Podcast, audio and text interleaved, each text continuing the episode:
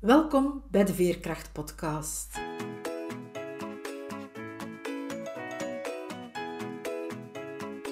Ik ben Veerle Schaltien, levensverhalen en schrijfcoach. Met mijn bedrijf Wiebelwoorden trek ik voluit de kaart van veerkracht. Voor deze podcastreeks interview ik veerkrachtige vrouwen. Het zijn vrouwen zoals jij en ik, die soms wel eens het hoofd laten hangen maar die er vooral telkens opnieuw in slagen weer overeind te krabbelen, die telkens opnieuw de moed hebben om door te gaan, die ondanks alles ten volle in het leven staan en elke dag waardevol weten te maken. Hoe ze dat doen, vertellen ze je heel openhartig. Luister, snoep van hun woorden en laat je inspireren door hun verhalen, want als zij het kunnen, kan jij het ook. Dag Helena, welkom. Ik heb jou ik geloof dat dat twee jaar geleden is, leren kennen tijdens een opleiding. En dan een poosje geleden las ik een artikel dat jij geschreven hebt. En dat artikel dat noemde man, vrouw, mens. En dat artikel dat deed mij eigenlijk wel even stilstaan bij hoe dat ik zelf in het leven sta. Want ik ga er nogal prat op dat ik mensen niet in hokjes onderdeel. Bijvoorbeeld iemand met een beperking die ga ik niet op die beperking fixeren. Ik ga die zelfs ook nooit met zijn beperking benoemen. Maar als het dan gaat over man, vrouw, mens, ja, ik heb hier een veerkrachtpodcast waarin ik meestal veerkrachtige vrouwen interview. En ja, dan zat ik daar zo al met iets van, dat wrong een beetje, want ik betrapte mezelf erop dat ik mensen sowieso wel onderdeel in ja, de groep vrouwen, mannen en dan nog een derde groep. Maar door jouw artikel, ja, dan stond ik daar bestil en wilde ik daar met jou eens over praten. We zijn dan samen gaan wandelen en hebben dat helemaal erover gehad. En dan was het eigenlijk wel duidelijk dat ik jou heel graag in mijn podcast wilde. Maar je mag jezelf misschien eens voorstellen. Ja, ik ben uh, dus Helena. Dat ben ik officieel quasi vijf jaar. En zoals je kan horen, ben ik geen vrouw. Toch heb ik gekozen op een bepaald moment in mijn leven om een andere naam aan te nemen. Oorspronkelijk had ik de naam Tom gekregen van mijn ouders. Maar ik voelde al van jongs af aan ergens dat er toch iets in die zin anders was. Ik zeg bewust niet dat het niet klopte, maar wel anders. En ja, heel lang heb ik dat anders zijn kunnen verloochenen om mee te draaien in de maatschappij, in wat mensen of de maatschappij van mensen verwacht. Maar op een bepaald moment, ja, zo zes, zeven jaar geleden, lukte dat toch niet. Hè. Als je niet jezelf kan zijn, ja, dan, dan loop je leeg. Dan uh, verlies je verbinding met je eigen essentie en dan word je uiteindelijk een, een hol harnas of ja, een masker dat zich altijd aanpast. En dan ben ik gaan zoeken en ja, ben ik ergens moeten gaan aanvaarden hoe ik mezelf van binnen voel. En ja, eigenlijk worden wij van jongs af aan in onze maatschappij geconditioneerd of zelfs geïndoctrineerd dat er twee hokjes zijn. We weten niet beter. Ik wist toen ook niet beter. Ik was geboren als man en ik werd ja, opgeleid doorheen dit leven uh, in hoe dat je als man moet zijn. Dat klopte dan niet voor mij, dat resoneerde niet met wie ik voel te zijn. Dus ja, dacht ik van ja, ik ben geen man, dan zal ik wel een vrouw zijn. En ook daar in onze huidige maatschappij wordt er dan een verhaal verteld dat je als man een vrouw kan worden of omgekeerd. Ik ben die weg dan opgegaan, beginnen zoeken, maar ook daar dan vrij snel gevoeld dat dat verhaal ook niet klopt. En vandaar ook dan uiteindelijk op een bepaald moment dat artikel onlangs, of die blogpost. Ik had vernomen dat in de school waar ik lang gewerkt had. Eerst als man en dan uiteindelijk teruggekeerd als ja, iemand onderweg naar iets anders, naar zichzelf uiteindelijk. Dat ze het gerucht hadden opgevangen dat ik terug man zou worden. Want ik heb een jaar geleden besloten om de hormonentherapie die ik gestart was, toch stop te zetten om een aantal redenen. Ik voel mij nog altijd Helena. Tom, dat klopt niet meer. Dat voelt aan als iemand anders. Dat voelt aan als dat masker dat ik heb afgezet. Ik ben Helena, dat klopt voor mij. Mijn lichaam is nog steeds mannelijk. En door het stopzetten van de hormonen vermannelijk dat terug. Dat is niet altijd even aangenaam. Dat is worstelen en zoeken opnieuw. opnieuw de puberteit door. Maar ik ben nog altijd ik. En ik ben in de eerste plaats nooit een vrouw geworden. Ik geloof ook niet dat je, ja, ongeacht welke medicinale, hormonale of chirurgische stapje dat je zet, dat je het andere geslacht kan worden. Je kan dat enkel aan de buitenkant. Maar in essentie blijft je lichaam dezelfde bedrading behouden binnenin. Alleen reageert het anders omdat er andere ja, stoffen dan binnenkomen. En vandaar dan dat artikel of die blogpost om even duidelijk te maken van mensen, het gaat niet over de buitenkant. Ja, dat is een onderdeel ervan. Het gaat in essentie over een binnenkant, over ja, een vorm van energie of een balans in energie die tot uitdrukking wenst te komen op een bepaalde manier. En het, ja, het dient, we dienen eigenlijk die hokjes te, ja, los te laten zelfs. Ja, we zijn wel mens en biologisch heb je mannen en je hebt vrouwen en dan heb je ook nog uh, mensen die interseksueel zijn. Dat is een categorie, een biologische categorie die niet binnen een van die twee hokjes valt. Maar eigenlijk zijn we allemaal mens. En ja, het is logisch dat wij, dat wij mensen in die hokjes opdelen, omdat we dat zo aangeleerd gekregen hebben. Maar eigenlijk ja, is dat niet, niet levensbevorderend naar mijn gevoel. Toch niet als ik naar mijn eigen leven kijk. Je zegt niet levensbevorderend, omdat je altijd het gevoel had van ik moet mij aan één van beide hokjes aanpassen. Ja, of, of ja, het gevoel, je bent je daar dan zelf niet bewust van op dat moment. Ja, je, je groeit op, je wordt geboren. Je ziet als, als jong kind van ja, ik ben een jongen blijkbaar. Uh, iets tussen mijn benen bevestigt dat. En die anderen, dat zijn dan meisjes. Daar ziet dat er anders uit. En wat wordt er verwacht van jongens? Uh, wanneer krijg je als jongen waardering aan op die manier? Dus je gaat jezelf daarnaar richten, want elk kind wil gezien worden en gewaardeerd worden. Ik voelde evengoed ook dat als ik zou zeggen hoezeer ik eigenlijk ja, op bepaalde vlakken verlangde naar een vrouwelijkere expressie, dat ik dan ja, uitgelachen zou worden, dat ik niet gewaardeerd zou worden. Dus jij gaat dat wegdrukken. Dus eigenlijk heb ik van een jaar of vier, want dat is meestal de leeftijd dat je als kind beseft en bewust wordt van de verschillen en wat er dan van jou verwacht wordt. Vanaf die leeftijd ben ik een groot deel van mezelf beginnen wegduwen, beginnen verloochenen tot op het punt dat je niet meer beseft dat je dat doet.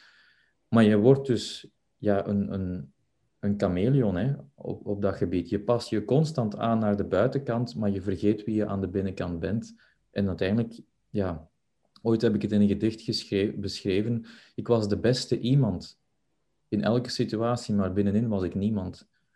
En dat is niet levensbevorderend. En als ik nu terugkijk, uh, ja, ik heb een puberteit dan doorgemaakt die heel verwarrend was, waarin ik eigenlijk onbewust de boodschap kreeg dat mijn geslachtsdeel mijn beperking is. Want omwille van dat ding, dat niemand ziet, want dat mag dan ook weer niet, dat zijn zedenfeiten uh, allicht. Maar omwille van die aanwezigheid moest ik mezelf dus ontplooien in een peergroep waar ik mij energetisch niet thuis voel. Eigenlijk ja, noem ik dat een psychologische verminking. En begrijp ik ook dat heel veel mensen op een bepaald moment stappen zetten om die zogenaamde beperking dan te laten verwijderen, terwijl het eigenlijk daar niet om gaat.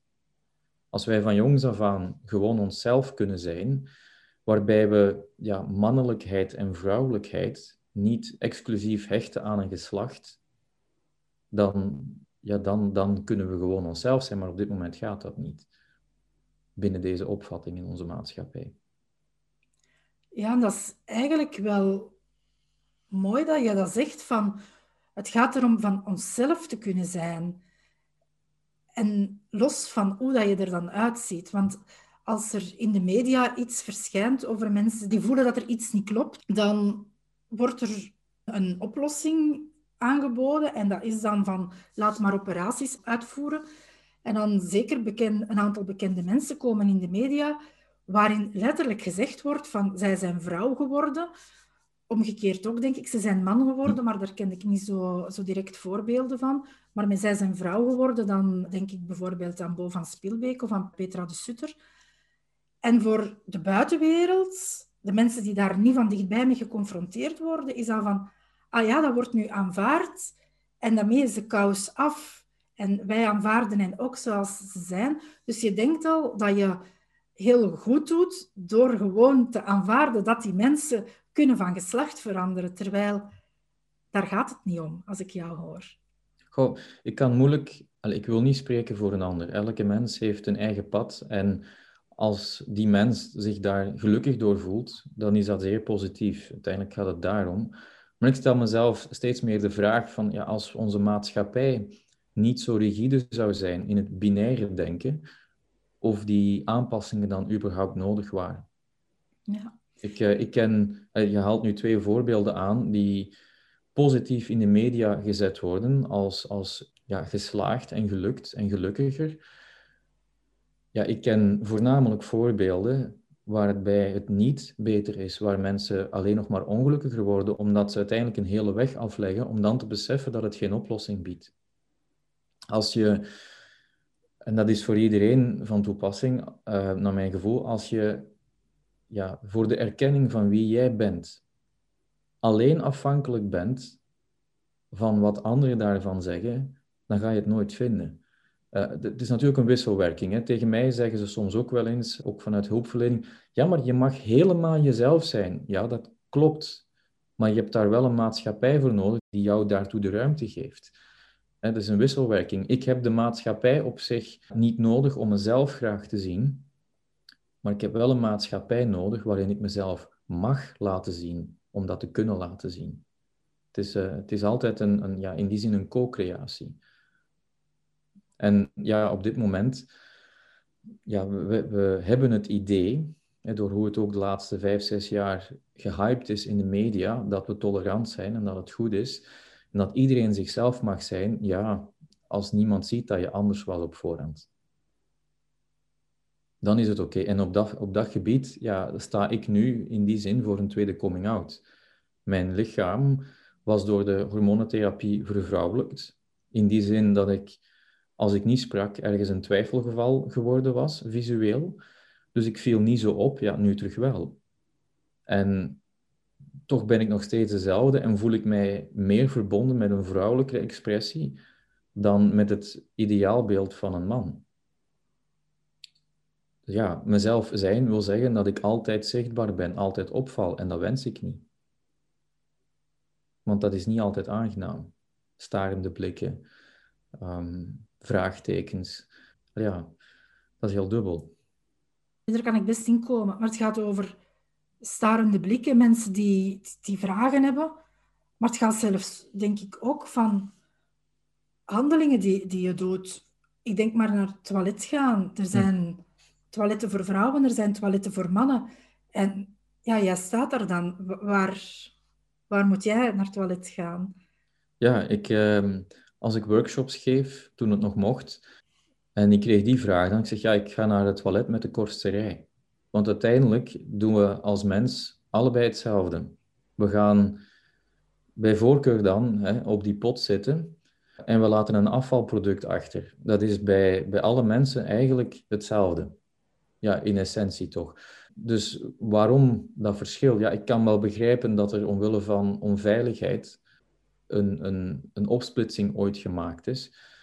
Maar ja, is dat nu allemaal nog nodig? We zijn ook daar zo geconditioneerd dat het niet anders kan. En ja, voor mij is dat dan heel vaak, of eigenlijk altijd, een probleem. Als ik een vrouwentoilet binnenga, wat ik verkies, uh, afhankelijk van hoe het mij gekleed, gekleed ook, ja, en ik spreek, ja, dan gaan ze zeggen dat ik niet op de juiste plaats zit.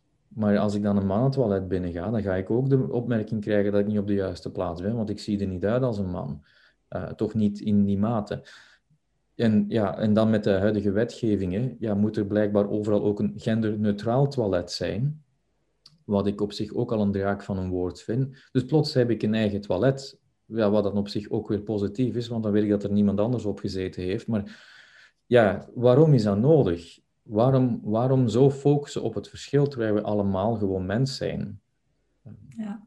Het doet mij denken aan iets wat je tijdens onze wandeling ook vertelde, van ergens waar ze dan voor zo'n gendertoilet wilden zorgen. En dat ze vroegen aan jou, wat moeten we daar nu opplakken? want we kunnen daar geen, geen symbool van vrouw, geen symbool van man. Wat moeten we nu doen? En dat jij daar eigenlijk een heel eenvoudig antwoord op had. Ja, ja als, je, als je wil aan, allee, aanduiden wat er achter die deur zit, dan plak je gewoon wc op. Want dat is wat je daar gaat vinden. Uh, en, en, het is ook zo absurd, hè? Op, op plaatsen, bijvoorbeeld in de horeca, waar er geen plaats is om, om gescheiden toiletten te plaatsen, dan gaat iedereen op hetzelfde. Dan maakt niemand daar een probleem van. Maar oh wee, als er ergens een symbooltje op plakt, ja, dan gaat oei, oei, jij bent wel, jij mag hier niet binnen. Dat is, uh, ja, waarom toch? Hè? ja, inderdaad. Want zoals je zegt, ergens waar maar één toilet is, maakt niemand er een probleem van. Daar gaat, gaat iedereen er gewoon op. Hè? Hm. Nu, ik geef dat voorbeeld van, van het toilet, omdat dat iets is, ja, iedereen herkent dat. Iedereen moet heel vaak naar een toilet gaan. En als zelfs zoiets simpel al voor vraagtekens zorgt van de anderen naar jou toe, maar ook van jou naar, naar de wereld toe, van wat wordt hier van mij verwacht, denk ik dat dat met heel veel andere dingen ook zo is, met complexere dingen ook. Dus het lijkt mij dat je dan wel heel veel veerkracht nodig hebt om ja, daar altijd opnieuw te kunnen voorstaan en overeind te blijven staan. Ja, ja. In alle eerlijkheid is het soms best zwaar en zou ik wel eens liever blijven liggen.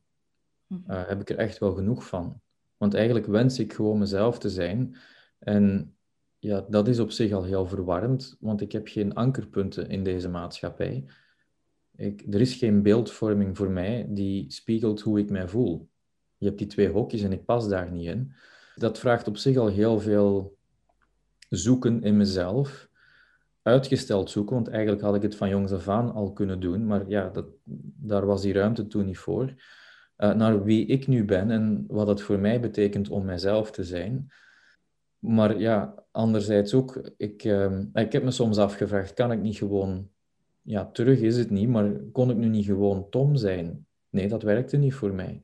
En toen ik uit de kast kwam bij mijn ouders, op een bepaald moment zeiden zij ook vanuit hun bezorgdheid, ja, je gaat wel een heel moeilijk leven tegemoet. Ik zeg, ja, dat is dan niet anders dan wat ik tot nu toe gehad heb. Met dat verschil dat ik nu in mijn eigen schoenen ga staan en daarvoor eigenlijk altijd maar schoenen aan had die niet van mij waren, om het dan hè, met beeldtaal uit te drukken. Nu kan ik tenminste vanuit mijn eigen kracht gaan opstaan, terwijl ik daarvoor maar energie moest ja, bijna parasiteren om recht te blijven in een, in een beeld dat niet klopt.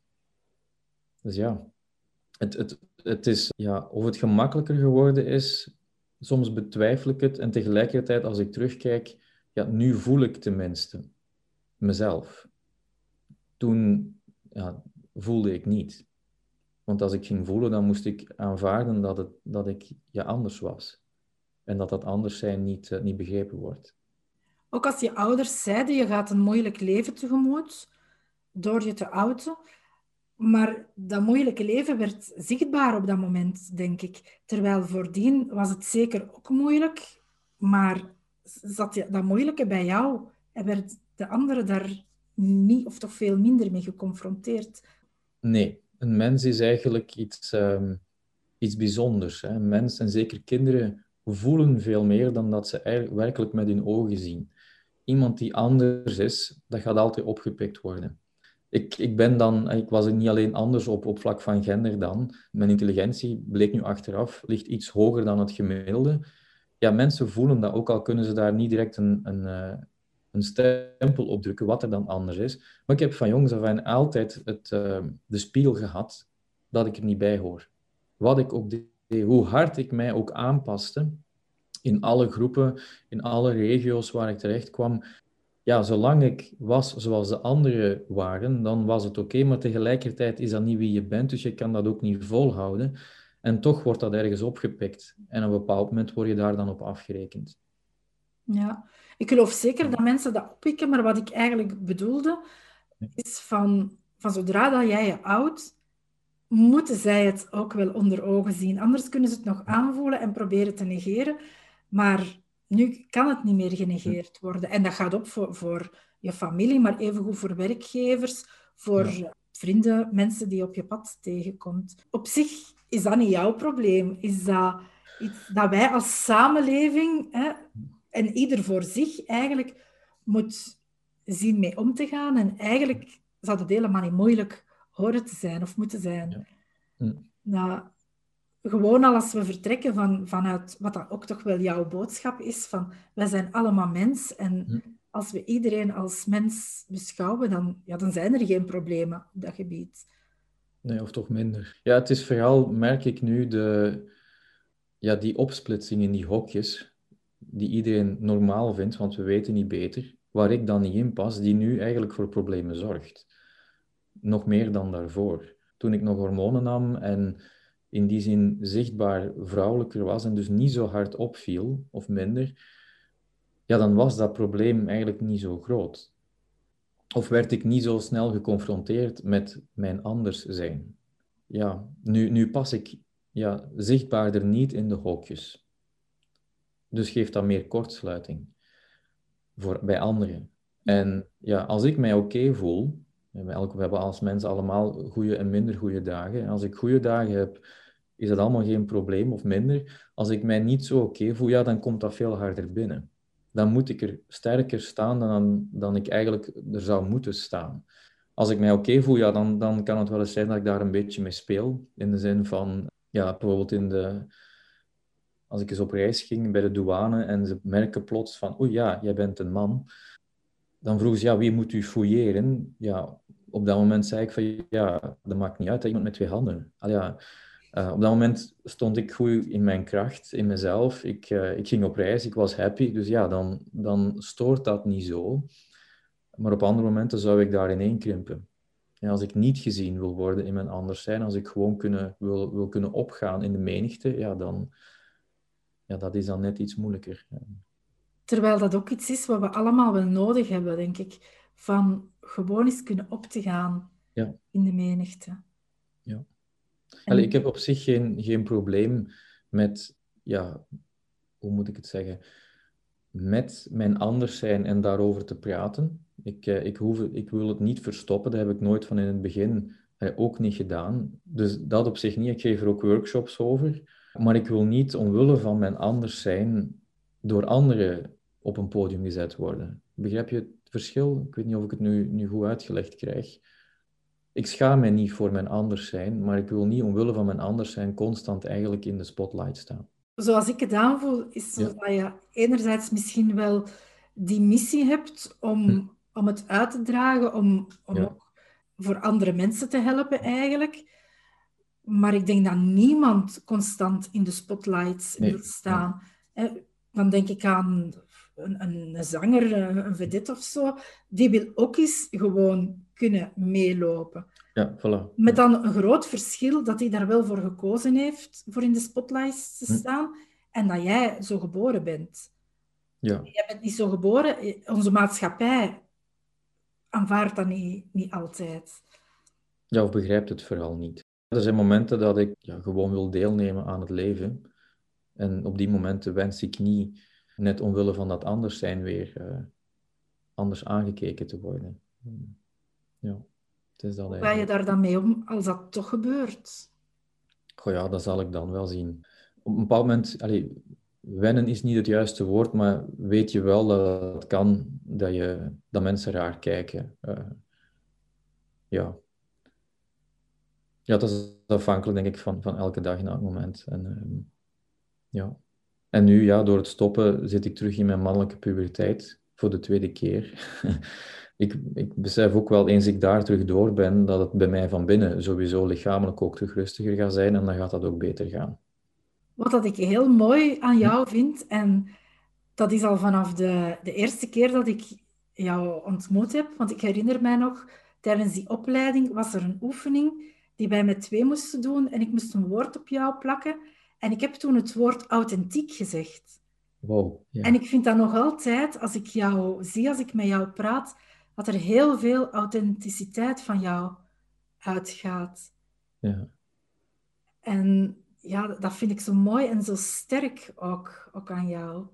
Ja, dank u. Ja, die komt binnen. Zoals ik het zie, gaat die authenticiteit zelfs veel verder dan ja, de hokjes waar dat we als mens ingedeeld worden. Want ja, een tijdje terug heb jij je appartement uh, verkocht omdat je voelde dat je dat moest doen. Je bent uh, gestopt met, met je job in het onderwijs omdat je voelde dat je dat moest doen. Kan je daar ook iets meer over vertellen? Goh ja, ik heb de laatste twee, drie jaar dan steeds meer beginnen focussen op het volgen van intuïtie. Op een, een, een vorm van voelen en weten die niet rationeel te verklaren is altijd. We zijn nu een jaar verder sinds mijn appartement verkocht werd, definitief. En twee jaar dat ik mijn job in het onderwijs definitief achter mij liet. En als ik nu terugkijk, ja, dan vraag ik mij nog altijd af wat nu de bedoeling is. Want ik heb een bepaald aanvoelen gevolgd, een, eh, een bepaald voorvoelen ook. Ik wist een jaar op voorhand dat ik uh, in april 2019 na de paasvakantie niet meer zou terugkeren naar mijn job. Wat ik rationeel absurd vond, want waarom doe ik die laatste negen weken niet uit? Ik wilde wel stoppen. Ik had na een burn-out en toen een bore-out echt wel genoeg van het systeem.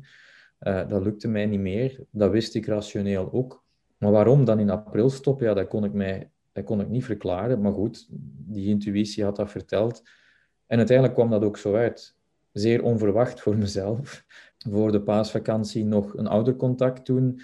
En, en tegen mijn eigen leerlingen nog zeggen, ja, natuurlijk kom ik terug. Ik zou niet weten waarom ik niet terugkeer. terugkeer. En twee weken later ja, ben ik niet teruggekeerd. En zo ook met mijn appartement wist ik een jaar op voorhand dat ik in november een, ja, mijn appartement zou verkopen. En dat is ook de maand dat ik een, een winnend heb gekregen toen. Ik vond dat ook op zich heel mooi en tegelijkertijd heel bizar, want ja, hoe, kan dat nu? Maar in die zin, ja, door dat op, op die manier op voorhand soms helder aan te voelen en dan ook te zien gebeuren, is er wel een vorm van vertrouwen gegroeid. En ja, vertrouw ik erop dat die keuzes en die beslissingen wel een reden zullen hebben die ik misschien nu nog niet zie. Want op dit moment, ja, ook met, met heel het corona gebeuren, zijn de plannen die ik had van reizen en online inkomen en, en locatie onafhankelijk gaan leven, ja, die zijn niet mogelijk geworden. En ja, financieel is het nu kijken van, ja, hoe doe ik dit nu? Ik voel heel duidelijk dat ik niet terug kan naar de systemen. Gewoon maar gaan meedraaien, ook daar lukt mij niet meer. Mijn lichaam heeft twee keer verteld, door zich uit te schakelen, dat dat niet werkt. Dat mijn bedrading niet past in die maatschappelijke machine. Hoe dan wel, dat weet ik niet. Wat dan de bedoeling is, ja, dat weet ik ook nog niet. Ik zie het nog niet tastbaar. Maar tegelijkertijd, als ik dan terugkijk en reflecteer, ben ik zo dankbaar en blij dat ik wel gedurfd heb om dat aanvoelen te volgen. Want moest ik nog in het onderwijs gestaan hebben tijdens heel, de, ja, heel het gebeuren van het laatste jaar, ik zou het niet aangekund hebben. En nu heb ik dan, tenminste toch al de laatste twee jaar, ontzettend veel tijd gehad om naar binnen te keren en te gaan bevragen wie ben ik nu? Wat ben ik dan? Hoe zet ik dat in de wereld? Uh, en die tijd zou ik, en die ruimte zou ik niet gehad hebben, moest ik ja, die beslissingen niet gemaakt hebben. Ook betreft mijn appartement, ja, dan bepaalt me het ook daar voelen van, als alleenstaande is dit niet meer mogelijk, puur rationeel ook niet. Dit werkt voor mij ook niet. Het klopt ook niet dat ik mij ergens vastzettel dat op een bepaald moment uh, dien ik altijd te kunnen verhuizen of te bewegen. Ah ja, we zullen wel zien, we volgen, we verkopen en, en we kijken daarna wel verder. Mensen zouden mij gek verklaren soms. Ik verklaar mezelf soms ook gek op dat vlak. Ehm, maar toch, ja, hoewel het niet altijd even gemakkelijk is, durf ik wel zeggen dat ik steeds intenser gelukkiger ben. Niet altijd, maar als ik, als ik mij goed voel, dan is het wel veel, vanuit een, een, een, een grotere diepte in mezelf. Een, een, grotere verbinding met mezelf of met het geheel. Ja. En die is er eigenlijk doordat je ja, je durft overgeven aan, aan wat je intuïtie eigenlijk zegt. Ja. Dus niet het hele plaatje, maar je, je, je intuïtie geeft je in van dit werkt niet ik moet een stap zetten en jij hebt dan het lef echt om die stap te zetten. Blijkbaar wel, ja. ja. Ja, voor mij, mijn intuïtie, ja, dat is ergens een... Eh, ja, ik zie het dan, als ik spiritueel kijk, dan als mijn ziel, als mijn, mijn grotere ik, die niet geheel aanwezig is in mijn persoonlijkheid nu, maar het is, ja, het is een verbinding met, met een groter weten dat niet altijd rationeel begrepen kan worden. Het is, ik, kan, ik kan niet, om het zo te zeggen, ik kan geen businessplan opstellen voor de beslissingen die ik genomen heb. Want je neemt een beslissing waarvan je totaal niet kan zien, rationeel, waar het naartoe gaat leiden. Maar je voelt dat die klopt. Dus spring je. In het vertrouwen dat er dan wel een zachte matras gaat liggen om op te landen of dat je vleugels open gaan. Maar in elk geval springen en volgen. Heel mooi. Ik zie de vleugels al. Dank u. Jij voelt dat zo, jij durft die, die stap ook zetten. Hm. Maar iedereen heeft wel die intuïtie in zich het is een kwestie van daar leren naar te luisteren. Hè? Ja.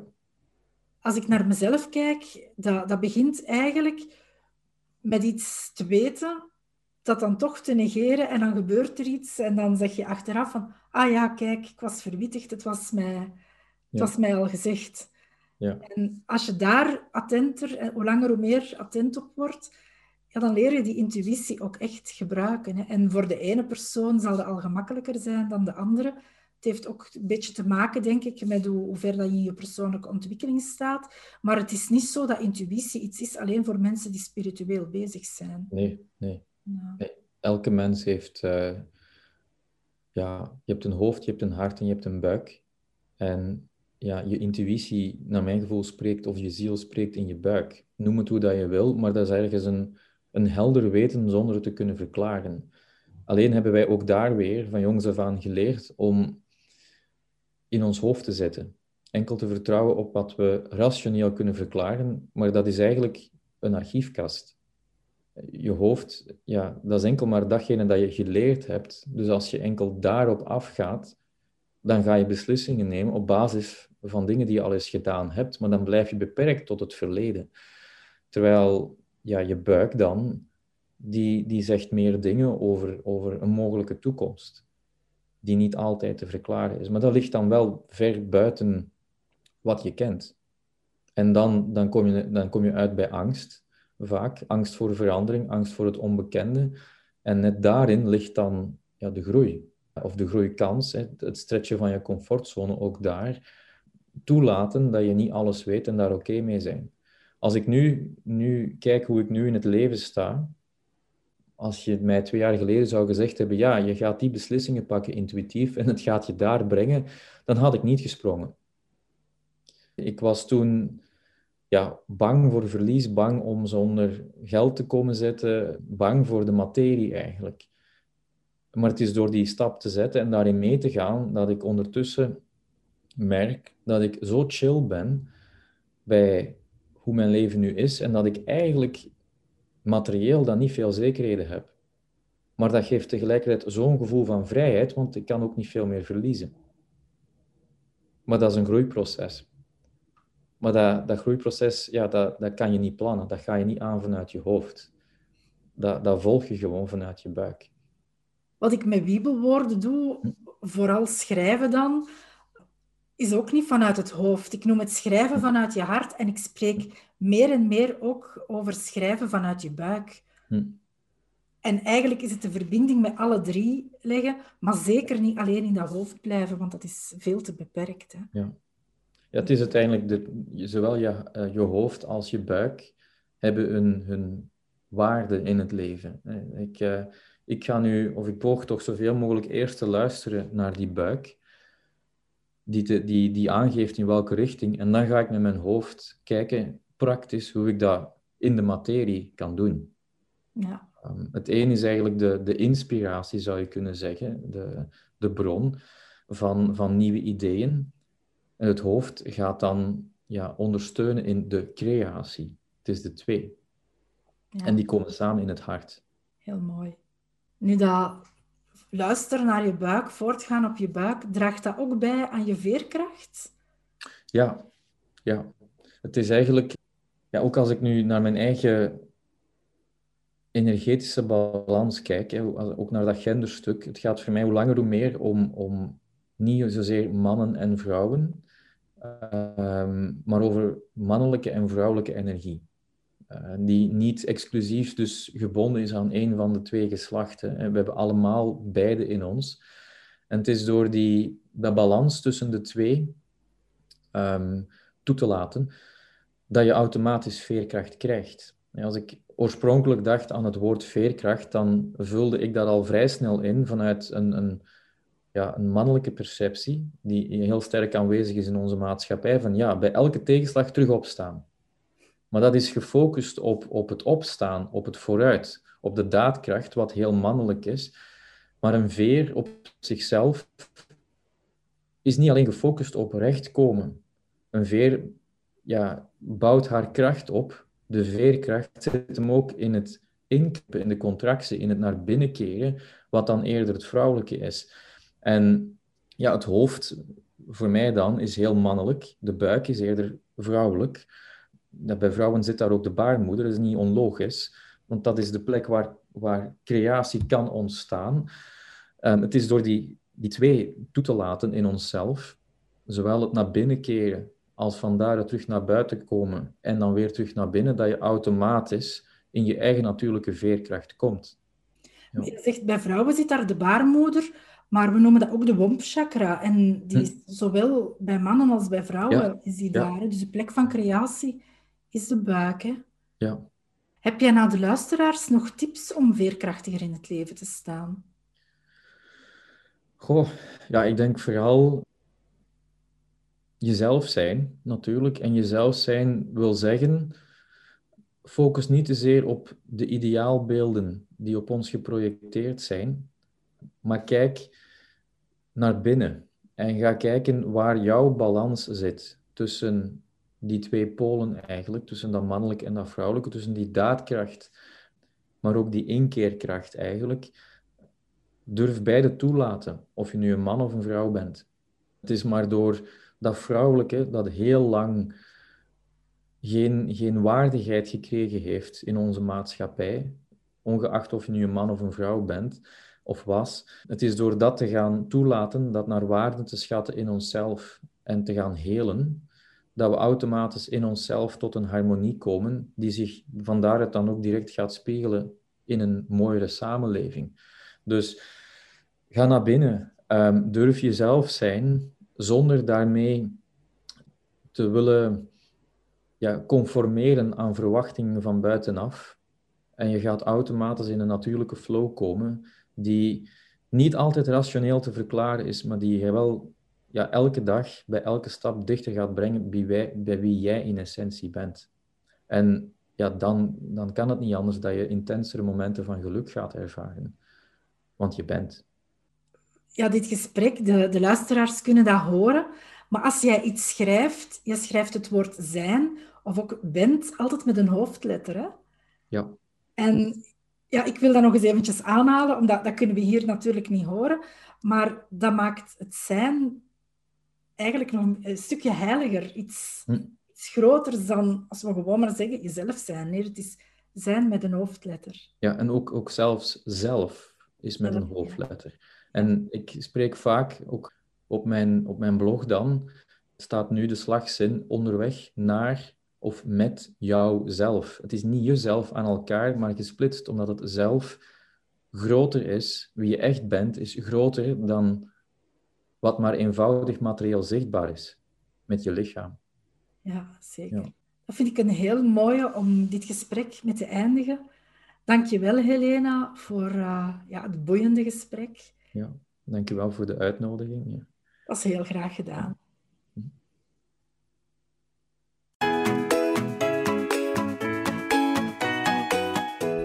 Om jouw veerkracht te ondersteunen, maakte ik de Facebookgroep naar meer flow en veerkracht.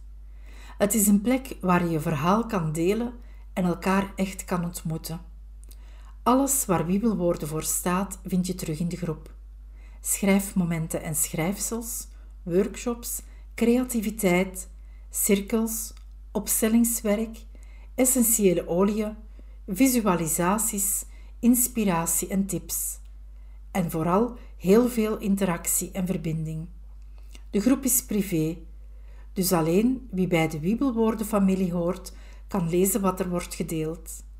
Ik zou het fijn vinden je er te ontmoeten, zodat mijn veerlekracht je op weg kan zetten om zelf meer flow en veerkracht te ervaren. De link naar de groep vind je in de beschrijving bij deze podcast. Je luisterde naar de Veerkracht-podcast. Hartelijk dank hiervoor. Hopelijk heb je even erg van dit veerkrachtige verhaal genoten als ik. Laat je er zeker door inspireren. Ben je benieuwd naar het volgende interview? Of wil je niks van deze podcastreeks missen? Surf dan naar www.wiebelwoorden.be of abonneer je nu meteen gratis op deze podcast via Spotify of een andere podcast-app. De montage van deze podcast was in handen van Johannes Veremans. Nogmaals dank voor het luisteren en graag tot de volgende aflevering.